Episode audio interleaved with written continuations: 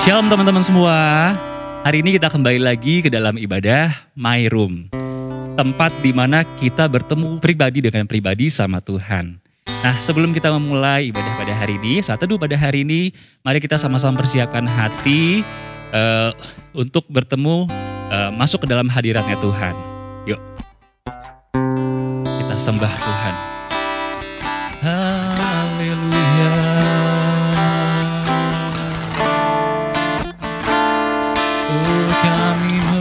Mengucap syukur.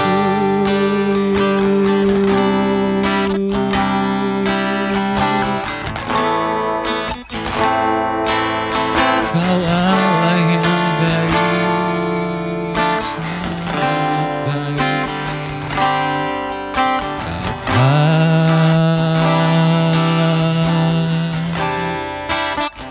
Engkau sungguh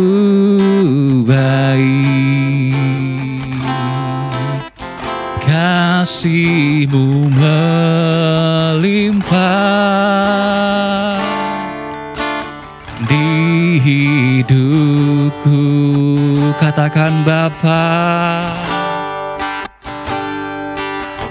Bapa.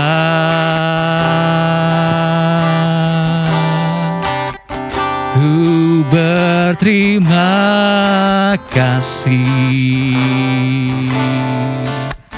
Berkatmu hari ini yang kau sediakan bagiku.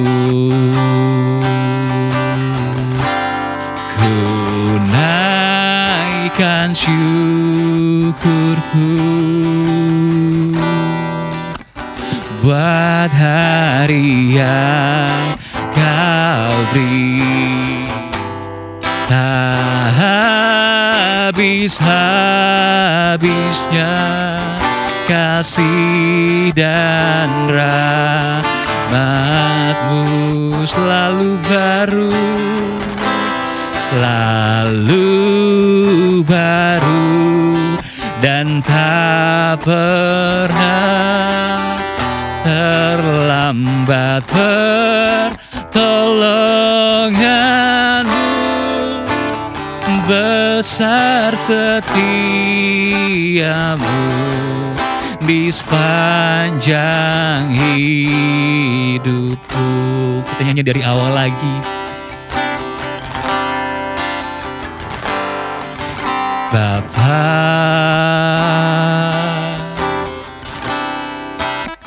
Engkau sungguh baik kasihmu melimpah di hidupku. Panggil Bapa. Bapa.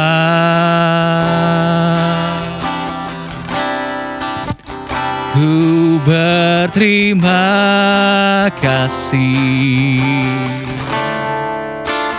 Berkatmu hari ini yang kau sediakan bagiku ku naikkan syukur. Ku naikkan syukurku. Buat hari yang kau beri tak habis-habisnya kasih dan rahmatmu selalu baru selalu baru dan tak pernah terlambat pertolonganmu. Besar setiamu di sepanjang hidupku. Besar setiamu. Besar setiamu.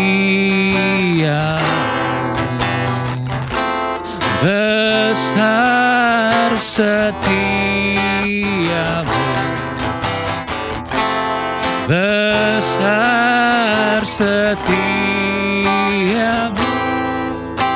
sepanjang hidupku. Haleluya. Mari sama-sama kita sembah Tuhan. Oh kau layak disembah Tuhan. Terima kasih Bapa, terima kasih.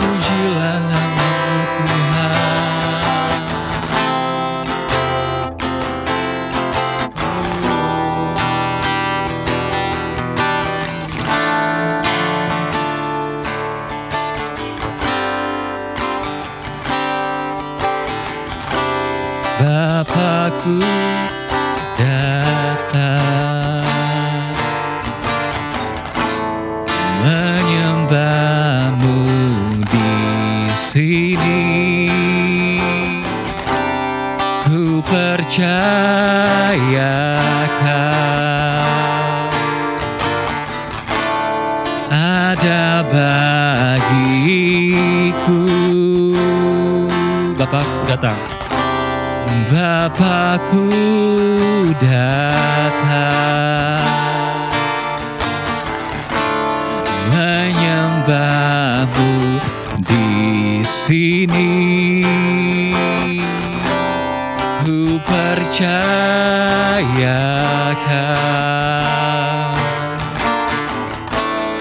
ada bagiku.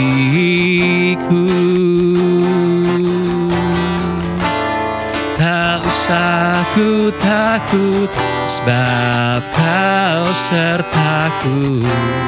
Tak usah ku bimbang kau di dalamku.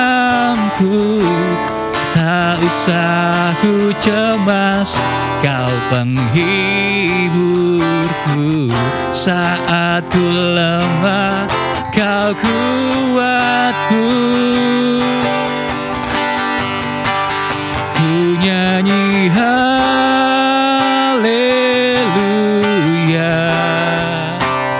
Ku nyanyi haleluya.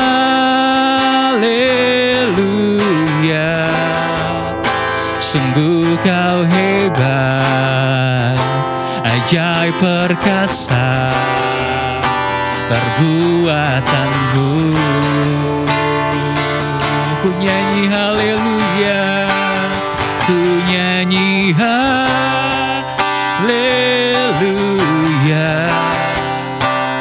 Ku nyanyi haleluya.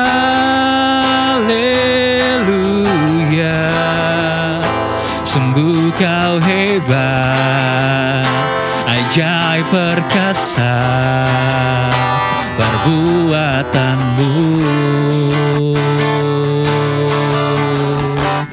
Di hidupku. Kita nyanyikan lagi lagu ini dari awal dengan sepenuh hati lagi Bapakku datang menyembahmu di sini. Ku percayakan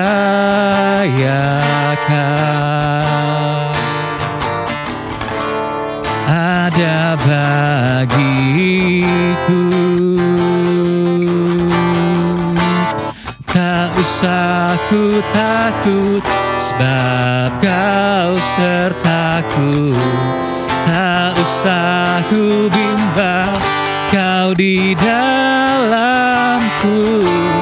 Tak usah ku cemas Kau penghiburku. Saat ku lemah Kau kuatku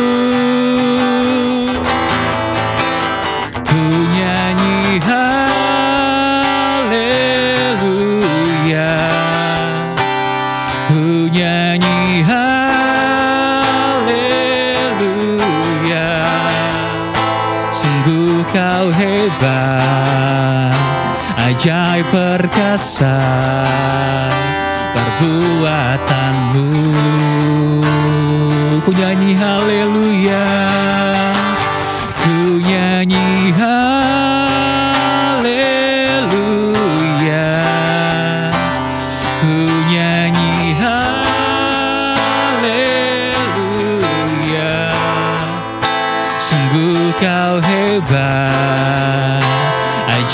perkasa Perbuatanmu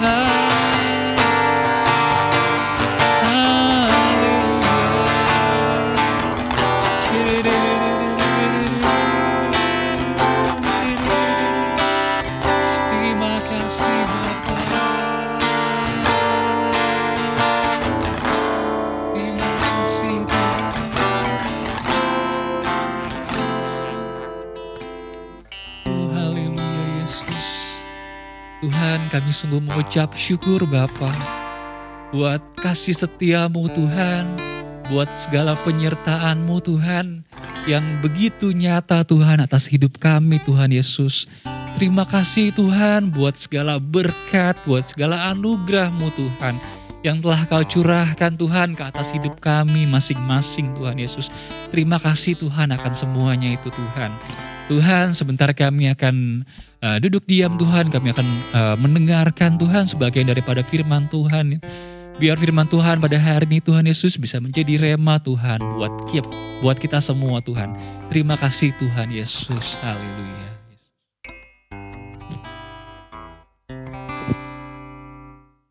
Shalom teman-teman semua. Hari ini kita kembali lagi ke dalam ibadah My Room.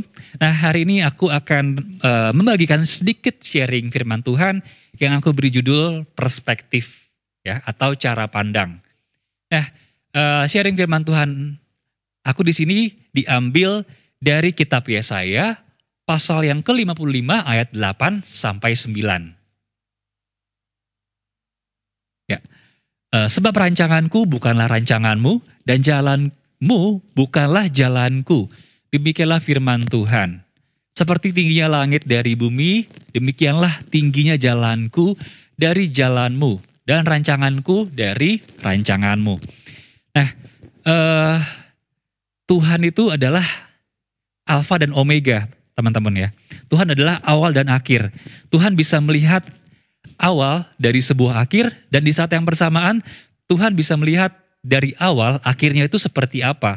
Dan dari ayat yang barusan kita baca ini, kita tahu kalau Tuhan itu melihat dari uh, atas ya, dari sudut pandang dari atas gitu. Nah, sementara kita sebagai manusia terkadang melihat segala sesuatunya tuh dari bawah ya, dari bawah ke atas. Nah, oleh karena itu uh, cara pandang kita dengan Tuhan sering kali berbeda ya. Nah, uh, kalau cara pandang kita kita ingin sama cara pandangan dengan Tuhan, maka kita yang harus menyesuaikan ya teman-teman. Kita harus menyesuaikan, kita harus yang naik ke atas. Kita harus uh, level kita yang harus uh, naik gitu. Nah pertanyaannya bagaimana caranya? Caranya itu dengan iman teman-teman. Dengan iman, iman yang timbulnya dari pendengaran, iman yang timbul dari pendengaran, pendengaran akan firman Tuhan. Nah, jadi firman Tuhan yang kita baca, firman Tuhan yang kita renungkan, yang kita dengar, itulah yang akan membuat kita mengenal siapa Tuhan kita, yang akan membuat mengenal kita mengenal bagaimana karakter Tuhan itu.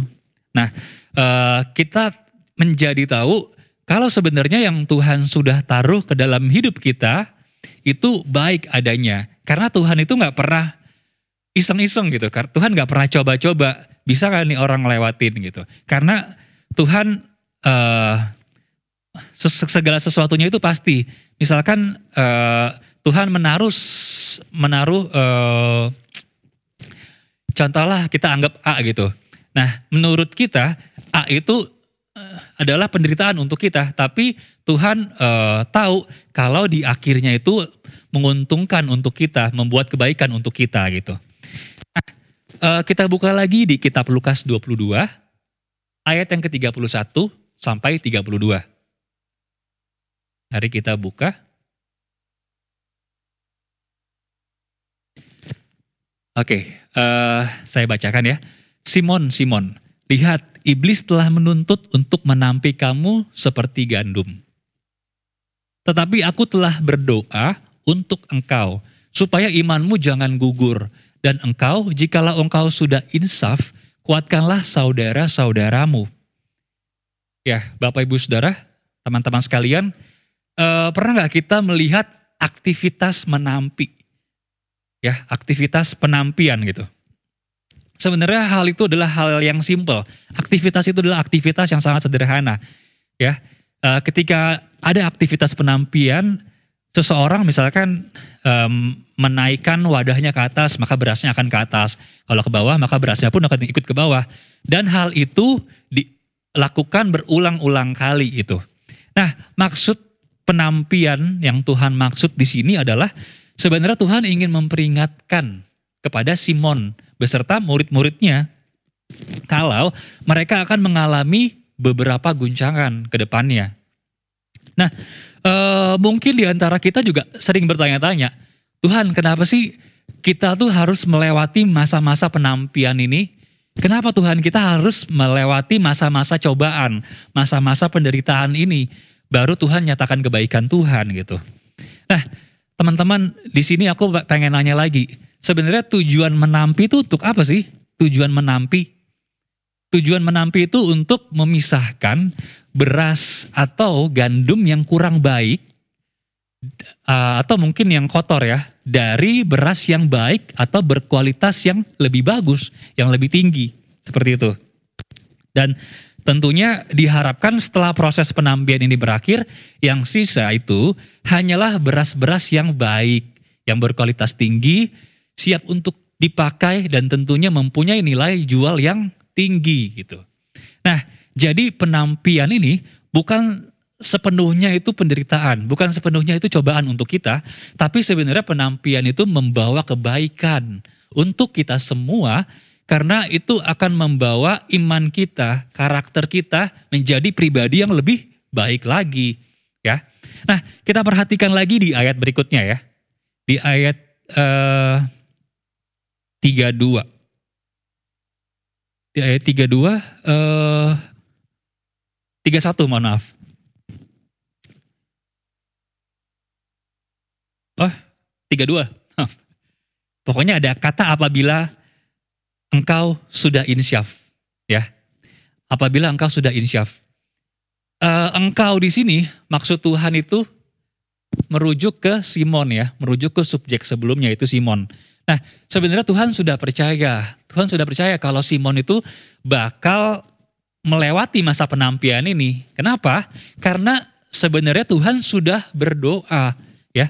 Tuhan supaya sudah berdoa supaya imannya Simon ini nggak gugur di tengah jalan, nggak gugur dalam proses penampian gitu. Tuhan tidak tinggal diam. Tuhan tetap berdoa. Tuhan tetap berdoa untuk Simon. Nah, maksudnya Tuhan berdoa untuk Simon itu apa sih? Artinya Simon itu telah diperlengkapi dengan semua keperluan yang diperlukan untuk menang gitu. Nah, setelah Simon diperlengkapi dan melewati proses penampian ini dengan baik dan pada akhirnya menang, uh, setelah itu Tuhan mengharapkan Simon memper apa ya menguatkan lah menguatkan murid-muridnya dan murid-murid yang lain dan uh, um, jemaat-jemaat yang lain gitu. Nah, oleh karena itu Yesus di situ tidak mengatakan kalau mudah-mudahan engkau insyaf gitu. Uh, semoga engkau insyaf, nggak kayak gitu. Tapi dia bilang apabila engkau sudah insaf. Nah, berarti ini menimbulkan atau menyiratkan keyakinan dari Tuhan Yesus sendiri. Kalau uh, Simon pada akhirnya bisa bertobat atau insyaf. Nah, uh, Tuhan itu tidak tidak mempunyai maksud untuk sekali lagi Tuhan tidak mempunyai maksud untuk coba-coba gitu, coba-coba mengetes seseorang gitu.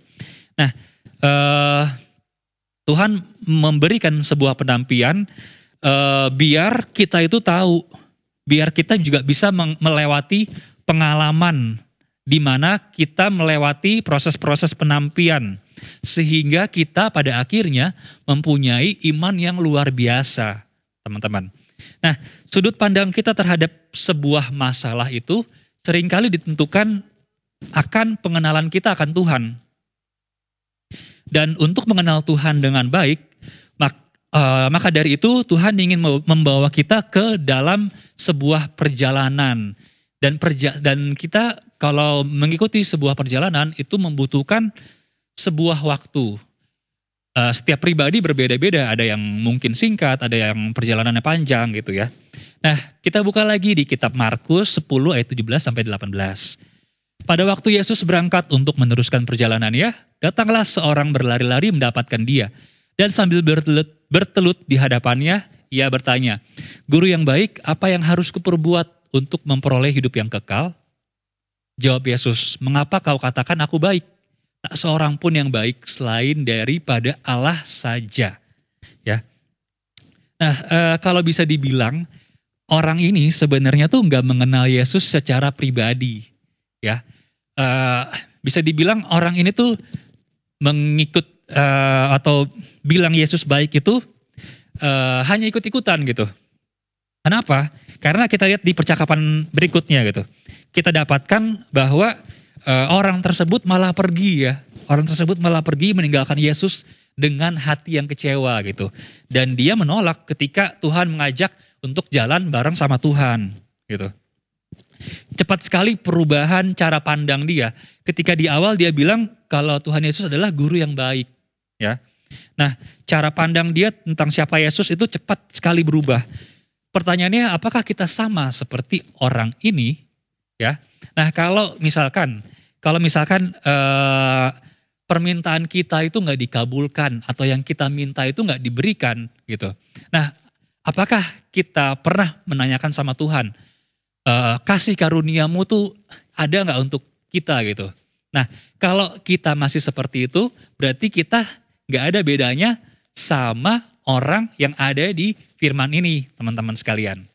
Nah, uh, ada firman Tuhan mengatakan, kecaplah dan lihatlah betapa baiknya Tuhan itu. Nah, ya terkadang kita hanya baca kecaplah dan lihatlah gitu. Tapi kita tanpa merasakan gitu. Cuman tahu kecaplah dan lihatlah, oke okay, saya sudah tahu gitu. Gue sudah tahu ayat itu gitu. Tapi tanpa meresapi gitu. Sebenarnya bagus banget ini ayat, kecaplah dan lihatlah betapa baiknya Tuhan. Karena uh, kita sering kali cuman membaca, cuma mendengarkan kebaikan Tuhan gitu. Nah, kalau uh, tanpa kita mengalaminya gitu. Nah, untuk kita bisa mengalami kebaikan Tuhan, uh, hal itu harus diawali dengan masa-masa penampian dahulu gitu. Diawali dengan masa-masa penampian dan membutuhkan waktu gitu. Nah, di saat kita mempunyai pengalaman di masa-masa penampian itu, kita baru bisa merasakan kalau Tuhan Yesus itu benar-benar baik untuk kita gitu. Ya. Dan uh, kalau kita sadari Tuhan Yesus baik, Tuhan Yesus baik dari pengalaman-pengalaman kita sebelumnya di masa-masa masa-masa penampian, hal itu akan membangun kekuatan iman kita, akan membangun uh, kekuatan rohani kita agar kita bisa menang melawan setiap persoalan yang datang menghadang kita sekarang ini atau yang akan datang di masa yang akan datang atau di masa depan. Oke, nah sekian uh, firman dari aku pada hari ini. Mari kita tutup di dalam doa. Tuhan Yesus kami mengucap syukur Tuhan, hamba telah selesai Tuhan menyampaikan uh, sebagian sharing firman Tuhan pada hari ini Tuhan Yesus. Biar Engkau yang jamah Tuhan bagi setiap yang mendengarkan Tuhan Yesus. Biar bisa menjadi rema Tuhan, biar Engkau yang ubah uh, cara pandang kami Tuhan menjadi serupa dengan uh, mu Yesus. Terima kasih Bapa, terima kasih Tuhan. Dalam nama Tuhan Yesus kami berdoa, haleluya, amin. Nah teman-teman, uh, ibadah hari ini ibadah Mairum hari ini sudah selesai. Uh, jangan lupa untuk tetap uh, nantikan untuk tetap nonton di ibadah Mairum pada minggu depan. Oke, terima kasih Tuhan Yesus memberkati.